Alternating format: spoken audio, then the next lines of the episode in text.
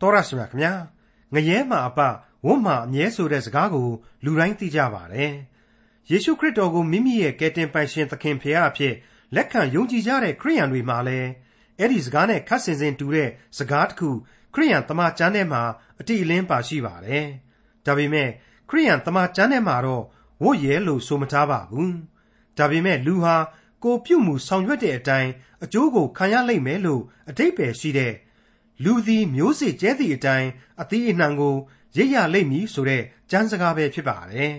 ဒီကျမ်းစကားဟာဝတ်လေတယ်လို့ဆိုလိုတာမဟုတ်ပေမဲ့ကိုပြောဆိုပြုမှုဆောင်ရွက်တဲ့အတိုင်းအကျိုးဆက်ကိုခံစားရမယ်ဆိုတာကတော့အထင်ရှားပါပဲ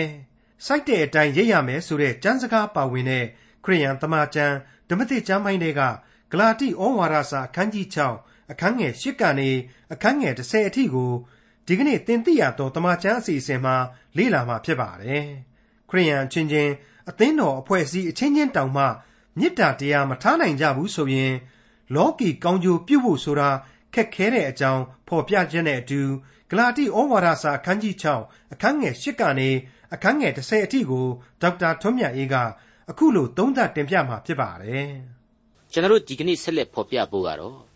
ဂလာတိဩဝါဒစာရဲ့ပြီးခဲ့တဲ့သင်ခန်းစာများမှာ မပီးမပြတ်ကြံနေခဲ့သေးတဲ့ရှင်းလင်းချက်တွေနဲ့ဆက်လက်ဖို့ပဲဖြစ်ပါတယ်ကျွန်တော်တို့ဟာအလွဲမယူကြလိမ့်နဲ့ဘုရားသခင်ဟာသူ့ကိုမထီမဲ့မြင်ပြုတော်မူခြင်းကိုခံတော်မူတဲ့ဘုရားသခင်မဟုတ်ဘူးလူသားဟာကိုယ့်အပြစ်အတိုင်းကိုပေးဆက်စေတဲ့ဘုရားသခင်ဖြစ်တယ်ဆိုတဲ့အချက်ကိုဖော်ပြရှင်းလင်းခဲ့ပြီးဖြစ်ပါတယ်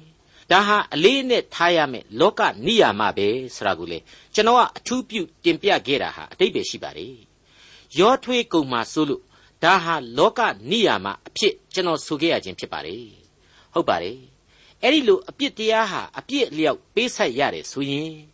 လောကအသက်တာကနေအလွန်မှာလူသားဟာကယ်တင်ခြင်းရတယ်ဖြောက်မှတ်ခြင်းအခွင့်ကိုရတယ်ဆိုတာဟာညာတာဖြစ်မှာပေါ့ဆိုတဲ့အတွေ့အမျိုးဝင်မှာစိုးလို့ပဲဖြစ်ပါတယ်ဒါကြောင့်မလို့ဒါဟာယေဘူးယအားဖြင့်လောကနိယာမဖြစ်တယ်ဒီကြားထဲမှာတောက်မှ ကံသေးကံမအတိအကျတွက်ဆလို့တော့လေမရနိုင်ဘူးဆိုတာကိုသတိထားဖို့လိုအပ်တယ်လို့ကျွန်တော်ဒီနေရာမှာတင်ပြခြင်းပါတယ်ကျွန်တော်အနေနဲ့ယောဘဝတ္ထုအတွင်းမှာဖော်ပြခဲ့တာတွေကိုမိษွေတို့မှတ်မိကြမလားတော့မဆိုနိုင်ဘူးလောကမှာလူတွေရဲ့အုံနှောက်ပေတံနဲ့တိုင်းတာပြီးတော့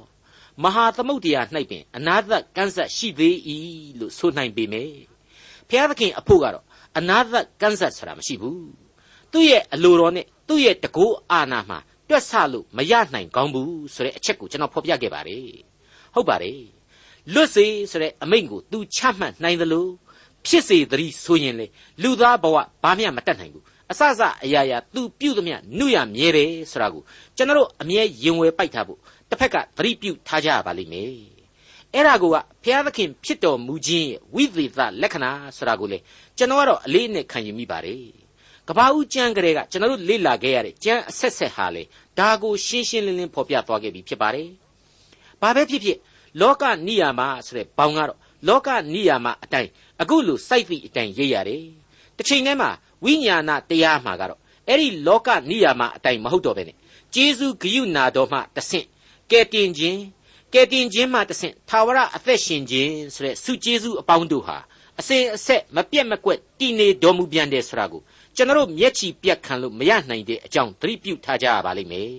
ပြီးခဲ့တဲ့သင်ခန်းစာတွေမှာယာကုပ်နဲ့သူ့အမေယေဘက်ခ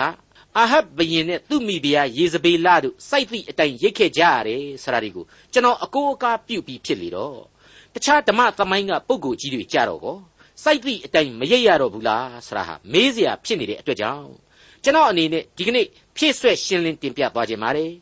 အနည်းဆုံးသာရကကိုတော့ အခုအဲ့ဒီလိုစိုက်သည့်အတိုင်းလူသားဟာရိပ်ရစမြဲပဲလို့ဆုံးမနေတဲ့တမန်တော်ကြီးရှင်ပေါလုရဲ့ဘဝကနေပြီးတော့ပဲကျွန်တော်ပြန်လဲထုတ်နှုတ်တင်ပြခြင်းပါတယ်အံ့ဩပွေသောဖြစ်ရများတဲ့ကဖြစ်ရတစ်ခုပဲလို့လည်းကျွန်တော်ဆိုချင်ပါတယ်တမန်တော်ဝတ္ထုအခန်းကြီး6နဲ့9တို့ကိုကြည့်လိုက်ရင်တမန်တော်ဝတ္ထုအခန်းကြီး6စကလေးကဖော်ပြခြင်းခံရတဲ့ယုံကြည်ခြင်းတန်ရှင်းခြင်းရှိသူတထေဖန်မှတ်စတဲ့ဖိလိပ္ပုနိကနော်ပြောခေါ်တိမုံ ပါမေနာစတဲ့ပုဂ္ဂိုလ်တွေတဲကတထေဖန်ဆိုတဲ့လူငယ်ကလေးဟာခရစ်တော်ရဲ့ဧဝံဂေလိတရားကိုရဲရဲရင့်ရင့်ဟောပြောတာတွေကိုပထမတွေ့ရပါလိမ့်မယ်အခန်းကြီး9ကျတော့အယူသီးတဲ့ယူဒတွေဟာတထေဖန်ကိုခဲနဲ့ဝိုင်းပေါက်ပြီးတော့သတ်ခဲ့ကြတယ်ဆိုတာကိုတွေ့ရမှာဖြစ်ပါတယ်အဲ့ဒီတထေဖန်ရဲ့နောက်ဆုံးသေခံဤကြွေးကြော်သံကတော့သခင်ဤဤသူတို့ပြုသောဒုစရိုက်အပြစ်ကိုမှတ်တော်မမူပါနှင့်ဆိုတဲ့အတန်ဖြစ်ခဲ့ပြီးတော့အဲ့ဒီလိုတထေဖန်သေးချိန်မှာရှောလူဆိုတဲ့လူဟာ ဒီအမှုကိုဝန်ခံတယ်ဆိုပြီးတော့တွေ့ရပါတယ်ပြီးတော့ရှောလူဟာတထေဖန်ကိုတတ်တဲ့လူတွေကိုခေါင်းဆောင်ခဲ့တယ်ဆိုတာကိုလေအဲ့ဒီအထက်နားမှာဖော်ပြထားတာတွေ့ရပါတယ်ဒီအကြောင်းတွေကိုပြန်လည်ပြီးတော့အမှတ်တရဖြစ်အောင်လို့ကျွန်တော်တမန်တော်ဝတ္ထုအခန်းကြီး54ကနေစပြီးတော့ဖတ်ပြပါရစေထိုစကားကိုကြားလျင်နှလုံးကွဲပြတ်မတတ်ဖြစ်၍တထေဖန်၌အံသွားခဲကြိတ်ခြင်းကိုပြုကြလေ၏သူသည်လည်းတန်ရှင်းသောဝိညာဉ်တော်နှင့်ပြည့်စုံသဖြင့်ကောင်းကင်သို့စိတ်စိတ်ကြည်မြော်၍ ဖျားသခင်၏ဘုန်းတော်ကို၎င်းဖျားသခင်၏လက်ရတော်ဘက်၌ယေရှုရပ်နေသည်ကို၎င်းမြင်လျင်ကြည်ပါကောင်းကင်ဖွင့်လှစ်သည်ကို၎င်းလူသားသည်ဖျားသခင်၏လက်ရတော်ဘက်၌ရပ်နေသည်ကို၎င်းငါမြင်သည်ဟုဆို၏ထိုသူတို့သည်ပြင်းစွာသောအသံနှင့်ဟစ်ကြော်၍နားကိုပိတ်ဆို့လျက်သူစီသို့ညီညွတ်စွာတဟုန်တီးပြေး၍မြို့ပြင်သို့နှင်ထုတ်ပြီးမှကြောက်ခဲနှင့်ပြစ်ကြ၏တက်သေးခံတို့သည်လည်းမိမိတို့အဝတ်ကိုရှောလူအမည်ရှိသောလူလင်၏ခြေရ၌ထားကြ၏ ကြောက်ခဲနှင့်ပြစ်ကြစဉ်တထေပန်သည်ပထနာပြုလျက်သခင်ယေရှုအကျွန်ုပ်၏ဝိညာဉ်ကိုသိမ့်ယူတော်မူပါဟုလျှောက်ဆို၏ဒုထောက်လျက်သခင်ဤသူတို့ပြုသောဒုစရိုက်အပြစ်ကိုမှတ်တော်မမူပါနှင့်ဟုကြီးသောအဖန်နှင့်ကြွေးကြော်ပြီးမှကျိမ့်ဆက်လေ၏သူ့ကိုကွက်မြက်သောအမှုကိုရှောလူသည်လေဝန်ခံလျက်ရှိ၏အဲ့ဒီလိုတွေ့ရပါတယ်ဒီတော့ဒီတထေဖန်ရဲ့လူသတ်မှုမှာအကြီးအကျယ်တာဝန်ရှိနေတာဟာရှင်ပေါလုပဲဆိုတာဟာရှင်းနေပြီမဟုတ်ဘူးလား ရှင်ပေါလုဆိုတာနော်အရင်တုန်းကရှောလူဒါကြောင့်မလို့ဒီနေရာမှာရှောလူဆိုတာရှင်ပေါလုကိုဆိုလိုခြင်းဖြစ်တယ်အဲ့ဒီရှောလူဟာအခုတမန်တော်ကြီးရှင်ပေါလုကိုယ်တိုင်မဖြစ်ခင်ကလူမိုက်ကြီးဘဝကရှောလူရှင်ပေါလုဟာခရစ်တော်ကိုမယုံကြည်ခင်ကာလမှာဒီပုံစံအတိုင်းအင်မတန်ရက်ဆက်ကြမ်းကြုတ်ခဲ့တဲ့ပါရိရှဲလူသားကောင်ကြီးဖြစ်ခဲ့တယ်ခရစ်တော်ဆန့်ကျင်ရေးသမားကြီးဖြစ်ခဲ့ဘူးတယ်အဲ့ဒီလိုတထေဖန်ကိုဂဲနဲ့ပေါက်သတ်ခဲ့သူရှောလူရဲ့စိုက်တဲ့အတိုင်းရိပ်ရပုံကတော့ အခုလိုရှင်းရှင်းကြီးပေါ်လာပါတယ်သူဩဝါဒပြုရေးသားနေတဲ့ဂလာတိပြည်နယ်ထဲမှာပဲသူကိုယ်တိုင်ပြန်လဲပေးဆက်ခဲ့ရခြင်းပုံစံပါကြည့်ပါထိုအခါယူဒလူတို့သည်အန်တီအုတ်မြို့အီကောနီမြို့မှလာကြ၍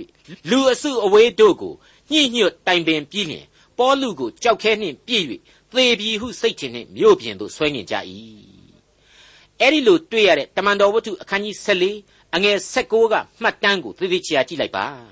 တကယ်ခဲနဲ့ပေါက်လို့တကယ်သေခဲ့ရပါတယ်အလောင်းကြီးကိုလည်းတွဲလောင်းဆွဲပြီးတော့လမ်းကြမ်းကြီးအတိုင်းမြို့ပြင်ကိုထုတ်လို့မလွဲမသွေရုပ်ပြက်ဆင်းပြက်ဖြစ်ခဲ့ရလိမ့်မယ်မရှုမလှတွေဖြစ်ခဲ့ရမှာလေအသေးချပါပဲ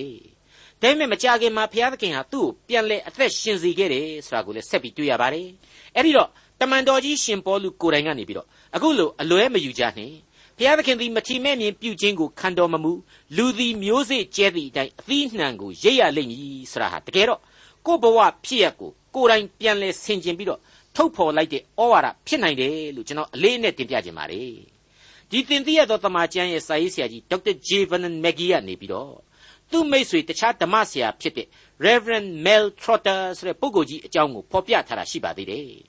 Reverend Mel Trotter ဟာနှစ်ပေါင်းများစွာကအယက်သမားကြီးဖြစ်ခဲ့ပြီးမှနှောင်းပိုင်းကာလမှာပြောင်းလဲလာတဲ့လူဖြစ်ပါတယ်။ သူတို့ဓမ္မဆရာကြီးတွေစုယုံပြီးတော့မကြာခဏနှီးနှောဖလှယ်ပွဲကြီးတွေလုပ်ပြီးတော့ထမင်းလက်ဆောင်စားတဲ့အချိန်ဆိုရင်အဲ့ဒီ Reverend Mel Trotter ခမရမှာထမင်းမစားခင်ဆေးပြားတစ်ပြားနဲ့ဆိုဒါရည်ကလေးတစ်ခွက်သောက်ပြီးတော့မှထမင်းကိုလည်းသူများလူများများစားမစားနိုင်ပေနည်းနည်းကလေးပဲစားရှာတယ်လို့ဆိုပါတယ်။အဲ့တော့တခြားဓမ္မဆရာလူငယ်တွေကဆရာကြီး Mel ကလည်းဗျာဘာဖြစ်လို့ထမင်းကိုမိမိရှိရမစားပဲဆေးလေးအရင်တောက်နေရတာလေဆိုတော့ Reverend Mel ကလည်းနောက်တက်ပြောင်တက်သူပြီးပြီးပြန်ပြောတယ်တဲ့ အရက်သမားဟောင်းဖြစ်ခဲ့တဲ့ငါအဖို့ကျေးဇူးတော်ကြောင့်နှလုံးသားကပြောင်းလဲသွားပါရဲ့အစာအိမ်အနာကတော့မပြောင်းလဲပဲကြံရစ်ခဲ့သေးတယ်ကွာဒါကြောင့်မလို့အရက်ကပေးတဲ့ဒီယောဂါကိုမသေးမချင်းငါယူသွားရတော့မယ်ဆိုပြီးတော့ပြောတာကိုကြားရတယ်လို့ဆိုပါတယ်ဒီအချက်တွေကိုပြန်ပြီးတော့စဉ်းစားရင်းနဲ့ကျွန်တော်တို့ဟာအသက်တာမှာအပြစ်ဒုစရိုက်အတိုင်းထိုက်တန်စွာပေးဆက်ရတတ်တယ်ဆိုတဲ့အသည့်ကိုဆင်ញင်နိုင်ဖို့အထူးပဲလိုအပ်ကြောင်းမှတ်သားကြပါစို့ဒါအပြင် မျိုးစေ့ကျဲသည့်အတိုင်းလို့ဆိုထားတဲ့အတွက်မျိုးစေ့ကိုတော့လူတိုင်းဟာကျဲနေကြရတာကြီးပဲဖြစ်တယ်။ကောင်းသောမျိုးစေ့များကိုကျဲနိုင်အောင်စူးစမ်းကြရလိမ့်မယ်။ဒါပေမဲ့ဘလောက်ပဲအဲ့ဒီလိုစူးစမ်းစူးစမ်းဘယ်တော့မှအပြစ်နဲ့မကင်းနိုင်သူလူသားဟာဖျားသခင်ကိုလည်းအစဉ်အားကိုအသက်ရှင်နေထိုင်ကြရလိမ့်မယ်ဆိုတာကိုထည့်သွင်းတင်ပြလိုက်ပါရစေ။အခုအချိန်မှာတော့ဂလာတိဩဝါဒစာအခန်းကြီး6ရဲ့အငယ်8ကိုကျွန်တော်တို့စတင်လေ့လာကြပါအောင်စို့။ မိမိဇာတိပဂရိ၌မျိုးစေ့ကျဲသောသူသည်ဇာတိပဂရိအားဖြင့်ပုတ်ပြက်ခြင်းအသီးအနှံကိုရိပ်ရလိမ့်မည်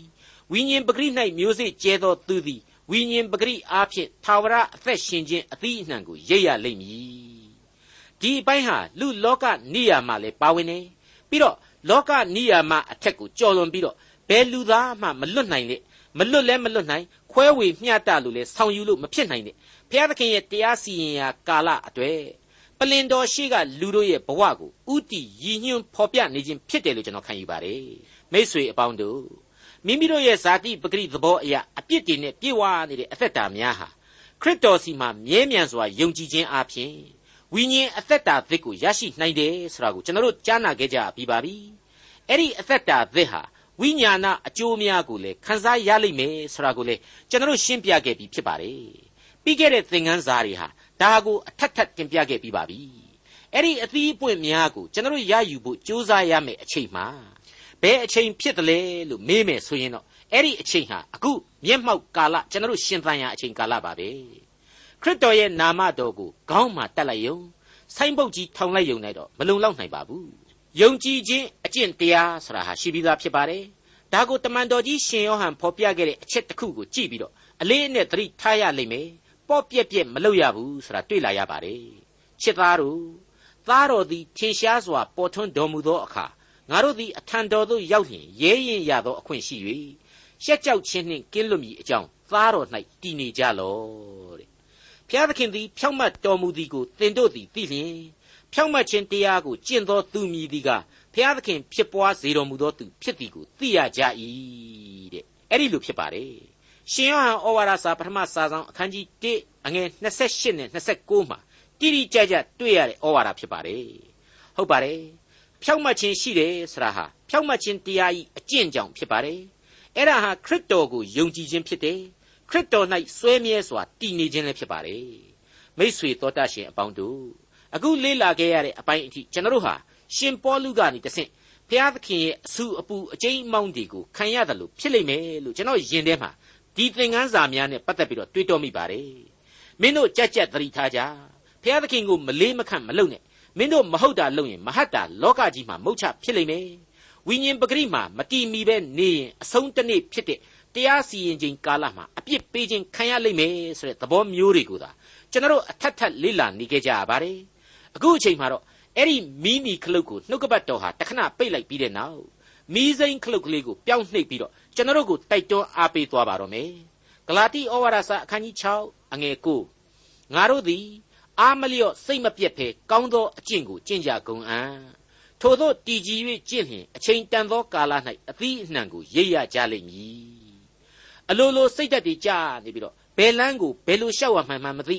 ရှောက်ဖို့လဲတတ္တိမရှိသလိုဖြစ်တတ်တဲ့လူလောကအဖို့အလွန်တရာကောင်းမွန်တဲ့သင်ခန်းစာပဲဖြစ်ပါတယ် ကျွန်တော်မကြာခဏကြားဘူးနေတဲ့ depression ဝင်နေဆိုတဲ့စိတ်ပိုင်းဆိုင်ရာဖိစီးမှုခံစားရတဲ့ကိစ္စ inferiority complex ဝင်နေဆိုတဲ့စိတ်ဓာတ်နှိမ့်ချမှုခံစားရတဲ့ကိစ္စနဲ့တူနေပါတယ်စိတ်အားငယ်ရတဲ့ကိစ္စနဲ့တူနေပါတယ်မကောင်းမြင်စိတ်တွေနဲ့လည်းပတ်သက်နေမယ်လို့ကျွန်တော်ထင်ပါတယ်ဒါဟာတခါတလေမှာပတ်ဝန်းကျင်ကိုသိပြီးတော့ကြည်လွှင်းရင်ဖြစ်တတ်တဲ့လူရဲ့စိတ်ဇာတိပဂရိနှလုံးသားမှာအားငယ်နေတဲ့အချိန်နဲ့ပတ်ဝန်းကျင်ရဲ့ဖိနှိပ်မှုတွေနဲ့ တိုက်ဆိုင်ခြင်းမှလည်းဖြစ်ပွားတတ်တယ်လို့ကျွန်တော်ဆိုချင်ပါတယ်ကျွန်တော်ရဲ့တငယ်ချင်းဆရာဝန်တယောက်ဆိုရင်ဘယ်လိုဘယ်လိုအဲ့ဒီလိုအမြင်တွေပြောင်းလဲသွားရှာတယ်မသိဘူးကျွန်တော်ကိုသူပြောတယ်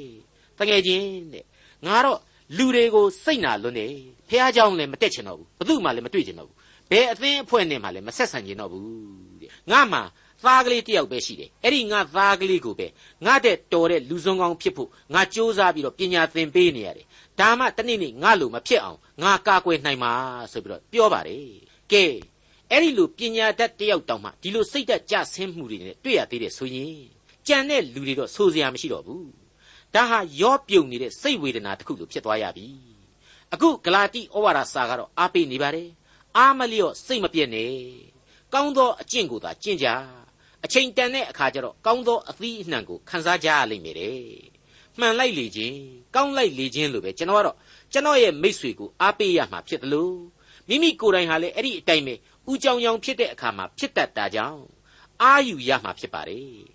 ဒီဩဝါဒစာအတိုင်းအာမလျော့စိတ်မပြတ်ပဲကောင်းသောအကျင့်ကိုကျင့်ရမယ်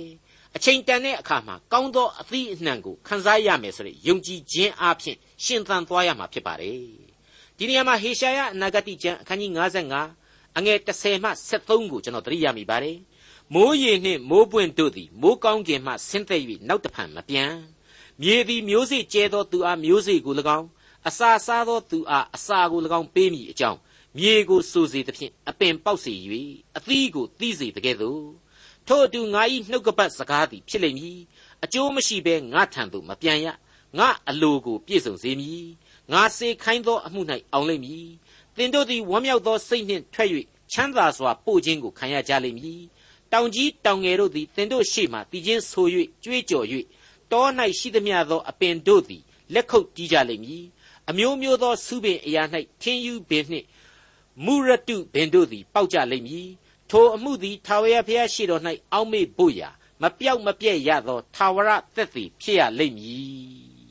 မိတ်ဆွေအပေါင်းတို့ ဘုရားသခင်ကိုမိမိတို့ရှိတဲ့နေရာမှာပဲအာယုံပြုပြီးတော့ကျေးဇူးတော်ကိုချီးမွမ်းစိတ်နှလုံးကိုပြင်ဆင်ရင်းနဲ့အသနာခံကြည့်ကြပါဆုတောင်းအသနာခံကြည့်ကြပါဘသူကိုမှအပြစ်မတင်အမြင်မမှားဘုရားသခင်ကိုသာစိုက်လိုက်မတ်တက်ရှာဖွေအားကိုးကြပါယုံကြည်ကြပါဆိုတဲ့အချက်တွေးကိုဂလာတိဩဝါဒစာအားဖြင့်ထင်ရှားစွာပေါ်ထွက်စေတယ်လို့ကျွန်တော်ဆိုချင်ပါတယ်အခုဟေရှာယကထပ်မံဖော်ပြခဲ့တဲ့ ငါဤနှုတ်ကပတ်သည်အကျိုးမရှိဘဲငါထံကိုပြန်မလာရဆိုတဲ့ဗျာဒိတ်စကားဟာဘုရားသခင်ရဲ့ဗျာဒိတ်တော်ပါပဲအလွန်တရာအတိတ်ပဲရှိတယ်လို့ကျွန်တော်ဆိုချင်ပါတယ်ကျွန်တော်ရဲ့ယင်ထဲမှာမောရှေကိုသူ့ရဲ့မိခင်ကြီးယောခေဘက်ဟာယင်နှင့်စွာနဲ့ပကက်ထဲမှာထည့်ပြီးတော့ရေထဲမှာမျှောချလိုက်ပြီးတဲ့နောက်အီဂျစ်မင်းသမီးကမောရှေကလေးကိုမွေးစားတာကိုတွေ့ရပြီးတဲ့နောက်ပိုင်းမှာကလေးကလေးကိုနှုတ်ရင်းတွေအဖြစ်ဒီမိခင်ကပဲပြန်လဲဆောင်ရွက်ပေးခဲ့ရတာကိုဖတ်ရတော့ ဒီမိခင်ကြီးယောခိဘက်တယောက်ဟာမောရှေကလေးကိုငငယ်ကလေးဘဝမှာတည်းကအသက်ရှင်တော်မူသောဘုရားသခင်ရဲ့အကြောင်းအာဗြဟံရဲ့ယုံကြည်ခြင်းအကြောင်းယာကုပ်နဲ့ဣသရေလတို့ရဲ့ကောင်းကြီးမင်္ဂလာတွေခံစားခဲ့ရတဲ့အကြောင်းတွေကိုပုံပြင်းသဖွယ်ပြောပြသွန်သင်ခဲ့မှာပဲဒါတွေကြောင့်လဲသမိုင်းရဲ့အချိန်ကာလစိတ်လာတဲ့အချိန်ကြတော့မောရှေစီမှာဒီအသီးအပွင့်တွေဟာအကျိုးကျေးဇူးမမဲ့ပဲပြန်လဲသီးပွင့်ဝေစာလာခဲ့ရခြင်းဖြစ်မှာပဲစသည်စသဖြင့်ကျွန်တော်တွေးမိပါတယ်ဟုတ်ပါတယ် ထို့အတူငါနှုတ်ကပတ်စကားသည်ဖြစ်လိမ့်မည်အကျိုးမရှိဘဲငါထံသို့မပြန်ရငါအလိုကိုပြည့်စုံစေမည်ငါစေခိုင်းသောအမှု၌အောင်လိမ့်မည်သင်တို့သည်ဝမ်းမြောက်သောစိတ်နှင့်ထွက်၍ချမ်းသာစွာပို့ခြင်းကိုခံရကြလိမ့်မည်တဲ့အမှန်တော့ဘုရားသခင်ကောင်းကြီးမင်္ဂလာတွေပြင်ဆင်တော်မူခြင်းတွေအကုန်လုံးတို့ဟာကျွန်တော်လူသားတွေအတွက်အသက်လမ်းကိုဥဆောင်ပေးနေပြီးသားဖြစ်ပါတယ်ကျွန်တော်ကသာကိုယ့်ရဲ့အပြစ်ဇာတိပဂရိဖြစ်စဉ်တွေကိုသတိပြု ဒုစရိုက်တွေကိုရှောင်ဖယ်ပြီးတော့သူပေးတဲ့ယုံကြည်ခြင်းအမွေကိုခံယူဝိညာဉ်အသီးအပွင့်တွေဝေစာနိုင်ဖို့အတွက်မမေ့ကြဘူးလိုတယ်ဆိုတာကိုနှုတ်ကပတ်တော်အပေါင်းတို့ဟာသွန်သင်နေတယ်လို့ကျွန်တော်ပြောချင်ပါတယ်ငါတို့သည်အာမလျော့စိတ်မပြတ်ဖဲကောင်းသောအကျင့်ကိုကျင့်ကြဂုံအံ့ထိုသို့တည်ကြည်၍ကျင့်လျင်အချိန်တန်သောကာလ၌အသီးအနှံကိုရိပ်ရကြလိမ့်မည်အဲ့ဒီကြမ်းချက်ကိုလေတမန်တော်ကြီးဟာ လူသားတိုင်းကိုမျိုးစေ့ကျဲတယ်လို့အသီးအနှံကိုရိပ်ရမယ်ဆိုတဲ့ဩဝါဒစာရေးတော့ကအတိုင်းပဲသူ့ဘဝသင်ခန်းစာတွေနဲ့ပဲရှင်တွဲစဉ်းစားရင်ဝိညာဉ်ရေးအဖြေကိုဖော်ထုတ်ရေးသားပြလိုက်တာလားလို့ကျွန်တော်တွေးမိပါတယ်ကျွန်တော်ပြောခဲ့တဲ့အတိုင်းပဲတတိပံကိုသူခေါင်းဆောင်ပြီးတော့ဂဲရီနဲ့ဝိုင်းပေါက်တတ်တဲ့အချိန်မှာတတိပံဟာယေရှုကောင်းကင်မှာရက်တန့်နေတာကိုငါမြင်တယ်ဆိုပြီးပြောခဲ့တယ်ပြီးတော့ သခင်ဤသူတို့ပြုသောဒုစရိုက်အပြစ်ကိုမှတ်တော်မမူပါနဲ့ဆိုပြီးတော့လေသေကန်နီးမှာဆိုခဲ့တယ်ဆိုတော့တတိဖန့်ရှေ့တဲတဲ့ကဒီရှောလူဘဝကလူဆိုးကြီးဟာသူဟာပါဇက်အဟောင်းသားဖြစ်ပြီးတော့မသိစိတ်ထဲမှာတုန်လှုပ်ခဲ့ရလိမ့်မယ်သူဟာလည်းအဲ့ဒီအချိန်တုန်းကတတိဖန့်နဲ့မတိမ်မယိမ်လူငယ်တယောက်ပဲဖြစ်ခဲ့ပြီးတော့ဖာရိရှဲအစွန်းရောက်ဝါရီကြီးတယောက်အနေနဲ့ယေရှုကိုအကြီးအကျယ်သာမုန်းတီးခဲ့တာတထေဖန်ဘာကြောင့်သေကန်ကြီးမှာသွေးအိုင်ကြီးထဲမှာဒီလိုပြောနိုင်သလဲ ဒီလိုမေတ္တာစိတ်ကိုမွေးမြူနိုင်ခဲ့သလဲသူ့ကိုတတ်တဲ့လူတွေကိုတောင်မှခွင့်လွတ်နိုင်ခဲ့သလဲစရာတွေကိုတွေးဝေးမိန်မောစွာနဲ့စဉ်းစားမိခဲ့မှာအမှန်ပဲလို့ကျွန်တော်ဖော်ပြခဲ့ပါတယ်ဟုတ်ပါတယ်ပေါလုဆိုတာဟာတကယ်ပညာတတ်ပြီးတော့သစ္စာတရားကိုလည်းရှာဖွေနေတဲ့လူအဲ့ဒီလိုသစ္စာတရားကိုကိုညံနဲ့ကိုအမိပြုရှာဖွေနေလို့လေပြည့်ညတ်တော်တွေကိုပဲအမှန်တရားအဖြစ်အသေးလဲဖက်တွေရင်းနဲ့ယေရှုကိုအသေးလဲမုံ ခရိယန်တွေကိုပကက်ထဲမှာတင်သတ်ပစ်မှအေးမယ်ဆိုတာကိုဘသူနဲ့မှမတူအောင်အယူသိခဲ့တာပဲဖြစ်ခဲ့တယ်ဆိုတာဟာရှင်းနေပါတယ်အဲ့ဒီလိုလူချမ်းကြီးမျိုးဟာဇာတိပဂရိရဲ့အစွန်းတစ်ဖက်နဲ့ဝိညာဉ်ပဂရိတို့ရဲ့ကြားမှာဘလောက်အထိအားလျော့ခဲ့ရမယ်မောပန်းခဲ့ရမယ်ဆိုတာအထူးဆိုပွဲမရှိဘူးလို့ကျွန်တော်တွက်ဆမိပါတယ်ခရစ်တော်ကိုယုံကြည်သူတွေကိုညှင်းဆဲမယ်ထောင်ထဲချမယ်ဆိုပြီးတော့ဓမ္မသက်ကိုသူသွားတဲ့အချိန်မှဆိုရင်သူဆွဲလန်းနေတဲ့ယူဒအကျင့်တရားတွေကိုငါယုံတယ်ငါယုံတယ် ခရိယန်မှန်ရင်ငါမုန်းတယ်ဆိုပြီးတော့မျက်စိဇုံမိပြီးတော့သာသူသွားခဲ့တာသစ္စာတရားကိုရှာဖွေခြင်းတဲ့သူ့ရဲ့ယင်ထဲမှာတော့တမျိုးမျိုးတော့ဖြစ်ခဲ့မှာအမှန်ပဲအဲ့ဒီလိုစိတ်ထားမူမမှန်ပဲဖြစ်နေတဲ့ရှင်ပေါလုတယောက်ဟာအဲ့ဒီဓမ္မသက်မြို့ကြီးကိုရောက်ခါနီးကြတော့မှကောင်းကင်တမန်အလင်းနဲ့သူ့ကိုအုပ်ဖမ်းပြီးတော့ရုတ်ချီးဘုရားသခင်ဟာပြောင်းလဲစေခဲ့ပါတယ်အဲ့ဒီအလင်းရှိန်ဟာလေသူ့အဖို့ဘလောက်ပြင်းတယ်လဲဆိုရင်မျက်စိတွေအကုန်ကန့်ပြီးတော့မျက်ခွန်ကြီးတွေပါလောင်ကုန်ပြီးတော့ နောက်ပိုင်းကျတော့မှဘုရားသခင်ကအကြေးကုန်များကြွာကြသလိုကြွာကြစေပြီးတော့ပြန်လဲပြီးအလင်းမြင်ရစေတယ်လို့ဆိုပါတယ်အဲ့တော့သူ့ရဲ့တစ္ဆာတရားရှာပုံတော်ဖွင့်ကန်းကြီးဟာဆန့်ကျင်ဘက်အစွန်းနှစ်ပါးကြီးနဲ့လုံးလည်လိုက်ခဲ့ရလိမ့်မယ်ယေရှုကိုယုံပြီဆိုပြန်တော့လေအဲ့ဒီအံ့ဩပွေသောပြောင်းလဲခြင်းကြီးဟာသူ့ကိုဝေဒနာအချို့နဲ့သာပြောင်းလဲစေခဲ့ခြင်းဖြစ်တယ်လို့လည်းဆိုနိုင်ပါတယ်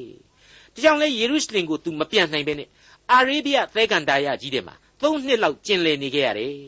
သုံးနှစ်သုံးမိုးဒီဂန္တာယကြီးတဲ့မှာသူဟာဘဝဇက်မြုပ်နေခဲ့ရတယ်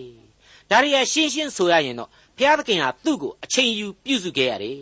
ပညာပေးခဲ့ရတယ်လို့ကျွန်တော်တို့နားလည်စေတဲ့အချက်တည်းကြီးပဲဖြစ်ပါတယ်မိษွေအပေါင်းတို့ကျေးဇူးတော်ကိုခံယူရခြင်းဆိုတာဟာစိတ်ပြက်အားလျော့ခြင်းများကိုတည်ကြည်စွာရင်ဆိုင်ဖို့လိုတယ်ဝိညာဉ်တော်ရဲ့လမ်းပြခြင်းကိုခံယူနားလည်ဖို့လိုတယ်ယုံကြည်ခြင်းအကျင့်ရှိဖို့လိုတယ်အဲ့ဒီနီးနဲ့သားလျင် အချိန်တန်တဲ့ကာလကိုရောက်တော့မှဒီကျေးဇူးတရားတို့ဟာပို့ပြီးတော့နားလေခံစားလာရတဲ့သဘောမျိုးရှိတယ်ဆိုတာကိုရှင်ပေါလုသွန်သင်ပေးလိုက်ခြင်းပဲဖြစ်တယ်လို့ကျွန်တော်တင်ပြလိုက်ပါရစေဂလာတိဩဝါဒစာအခန်းကြီး6အငယ်30ထို့ကြောင့်ငါတို့သည်အစဉ်သင့်သည့်အတိုင်းယုံကြည်ခြင်း၏အိမ်သူအိမ်သားတို့၌အထူးသဖြင့်ကျေးဇူးပြုလျက်ခတ်သိမ်းသောသူတို့အားကျေးဇူးပြုကြကုန်အံ့ယုံကြည်ခြင်း၏အိမ်သူအိမ်သားများဆိုတာကတော့ ယုံကြည်သူတို့ရဲ့အချင်းချင်းကြားမှာဆိုတာကိုနားလည်စေပါတယ်ပြီးနောက်ကျမှဆက်လက်ဖော်ပြလိုက်တာကတော့ခတ်သိမ်းသောသူတို့အားဆိုပြီးတော့ဖြစ်သွားပါတယ်ဟုတ်ပါတယ်မိမိတို့ရဲ့အသင်းတော်အတွင်းမှာတောင်းမှမေတ္တာတရားမထားနိုင်တဲ့လူမျိုးဟာလောကကောင်းကျိုးပြုဖို့မေတ္တာထားနိုင်ဖို့ဆိုတာအလွန်ခက်ခဲပါလိမ့်မယ်ကျေးဇူးပြုကြလောဆိုတာကိုအင်္ဂလိပ်သမာကျမ်းကတော့ကောင်းသောအမှုများပြုကြဆိုပြီးတော့ပဲဖော်ပြထားတာဖြစ်ပါတယ်အဲ့တော့ရှင်းရှင်းကလေးဘာသာပြန်ဆိုရမယ်ဆိုရင်တော့ ခရစ်တော်ကိုယုံကြည်သူတိုင်းဟာကောင်းတာမှန်သမျှကိုပြုလုပ်ကြရမယ်ဆိုတဲ့သဘောပဲဖြစ်ပါတယ်ဟုတ်ပါတယ်ကောင်းတာလုပ်လို့ရှိရင်ပြီးတာပဲဆိုတဲ့လူမျိုးတွေရဲ့အကြိုက်နဲ့ဒီကြမ်းပိုင်းဟာသွားပြီးတော့ကိုက်ညီနေပြီပေါ့ကွာခြားချက်ကတော့ဘုရားသခင်ရဲ့ကျေးဇူးနဲ့ဂရုနာတော်ကိုခံယူသောကောင်းမှုတန်ရှင်းသောဝိညာဉ်တော်အားဖြင့်ရှောက်လှမ်းသောအသက်တာမှဖြာထွက်လာရသောကောင်းမှုများတာဖြစ်တယ်အသက်နှင့်ပြည့်ဝစေသောကောင်းမှုအသီးအပွင့်တို့ဆက်လက်ဝေစာစေသောကောင်းမှုဖြစ်ပါတယ် ခရစ်တော်၌တည်သောကောင်းမှုများပင်ဖြစ်တဲ့အကြောင်းတင်ပြလိုက်ပါရစေမိတ်ဆွေအပေါင်းတို့မကောင်းတာမမှန်တာမလုပ်ရင်ပြီးရောဆိုတဲ့သဘောမျိုးကိုကျွန်တော်တို့မွေးမြူတတ်ကြသလိုကောင်းတာလုပ်ရင်လည်းပြီးတာပါပဲကွာကိုကောင်းရင်ခေါင်းမရွေဘူးဆိုတာမျိုးတွေလည်းတွေးတတ်ကြပါလေစင်စစ်ကတော့တရိษံလောကမှာတောင်းမှတချို့တရိษံတွေသိတဲ့ဒီအယူအဆတဲ့ကျွန်တော်တို့ဟာမြင့်တင်ပြီးတော့တွေးခေါ်ဖို့လိုလိမ့်မယ်လို့ကျွန်တော်တို့မစင်စားတတ်ဘူးလားအဆက်ဆက်သောနှုတ်ကပတ်တော်သင်ခန်းစာတွေကတော့ ဘုရားသခင်ကိုယုံကြည်ဖို့ခရစ်တော်၌ရှင်သန်ဖို့တန်ရှင်းသောဝိညာဉ်တော်နှင့်အတူရှောက်လှမ်းဖို့ဆိုတာတွေကိုအမြဲညွှန်ကြားနေပါတယ်မကောင်းပေမဲ့ခေါင်းမရွေ့တာတွေရှိသလိုကောင်းပေမဲ့လည်းခေါင်းရွေ့တတ်တဲ့ဘဝသင်ခန်းစာတွေကိုလည်းကျွန်တော်ပတ်ဝန်းကျင်မှာမြင်နေကြဖြစ်သလိုသင်သိရသောတမန်ကျန်သင်ခန်းစာများရဲ့ယောဘဝတ္ထုကြီးဟာထင်ထင်ရှားရှားကြီးမိမောင်းထိုးပြသသွားခဲ့ပြီလို့လည်းကျွန်တော်ဆိုချင်ပါတယ်အခုတမန်တော်ကြီးရှင်ပေါလုဖော်ပြခဲ့တဲ့အနှစ်ချုပ်ဟာလည်းဒါပါပဲ မိษွေအပေါင်းတို့ခမညာယုံကြည်ခြင်းတရားမပါဝင်ဘဲနဲ့တော့အပြစ်ဘဝလူသားဟာအပြစ်တရားမှာပဲကြံရစ်ခဲ့ရလိမ့်မယ်ဆိုတာကိုယောမဩဝါဒစာအခန်းကြီး3မှာတမန်တော်ကြီးရှင်ပေါလုဖော်ပြထားခဲ့ပါတယ်နှုတ်ကပတ်တော်တစ်ခုလုံးဟာလေဒါကိုပဲဖော်ပြသွားခဲ့တယ်ဆိုတာကိုသိစေအပ်ပါတယ်အဲ့ဒီလိုယုံကြည်ခြင်းဖြင့်ဖြောင့်မတ်ခြင်းသို့မဟုတ်အပြစ်မှလွတ်ခြင်းအခွင့်ကိုရတယ်အဲ့ဒီလူသားဟာခရစ်တော်အားဖြင့်ဘုရားသခင်ရဲ့သားသမီးများဖြစ်လာရတယ် ကောင်းကင်နိုင်ငံတော်အမွေကိုခံရမယ်ဆိုတာတွေကိုလေဂလာတိဩဝါဒစာရဲ့အခန်းကြီး၄သင်ခန်းစာတွေမှာကျွန်တော်တို့တွေ့ခဲ့ကြရပြီးပါပြီဒီလိုဝိညာဉ်ပဂရိရဲ့လူသားဖြစ်တဲ့အချိန်မှာတော့ချစ်ချင်းမှစတဲ့ဝိညာဉ်ပဂရိအကျိုးကျေးဇူးများကိုကျွန်တော်တို့စတင်ခံစားလာရတဲ့အချိန်ကောင်းကျိုးချမ်းသာနဲ့ပြည့်ဝတဲ့ကိုယ်ဆိုတဲ့လူသားဟာမိမိအသင်းတော်မိမိပတ်ဝန်းကျင်လောကကဘာမြေအတွက်ကောင်းကျိုးများကိုဆောင်ရွက်နိုင်လိမ့်မယ်ဆိုတာကိုလေကျွန်တော်ဆက်လက်နားလည်ခဲ့ကြပြီးပါပြီ တမန်တော်ကြီးရှင်ပေါလုအခိုင်အမာဩဝါဒပြုနေပါတယ်ငါတို့သည်အာမလျော့စိတ်မပြတ်ဖဲကောင်းသောအကျင့်ကိုကျင့်ကြကုန်အံ့ထို့သောတည်ကြည်၍ကျင့်လျင်အချိန်တန်သောကာလ၌အသီးအနှံကိုရိပ်ရကြလိမ့်မည်ထို့ကြောင့်ငါတို့သည်အစဉ်သင့်သည့်အတိုင်းယုံကြည်ခြင်းဤအိမ်သူအိမ်သားတို့၌အထူးသဖြင့်ကျေးဇူးပြုလျက်ခတ်သိမ်းသောသူတို့အားကျေးဇူးပြုကြကုန်အံ့ဒေါက်တာထွန်းမြတ်ရေးစီစဉ်တင်ဆက်တဲ့တင်ပြရသောတမချန်းအစီအစဉ်ဖြစ်ပါတယ် နောက်တစ်ချိန်အစီအစဉ်မှာ ခရိယန်တမချန်းဓမ္မသစ်ကျမ်းပိုင်းတွေကဂလာတိဩဝါဒစာအခန်းကြီး6အခန်းငယ်7ကနေအခန်းငယ်18အထိကို လေ့လာမှာဖြစ်တဲ့အတွက် စောင့်မျှော်နားဆင်နိုင်ပါတယ်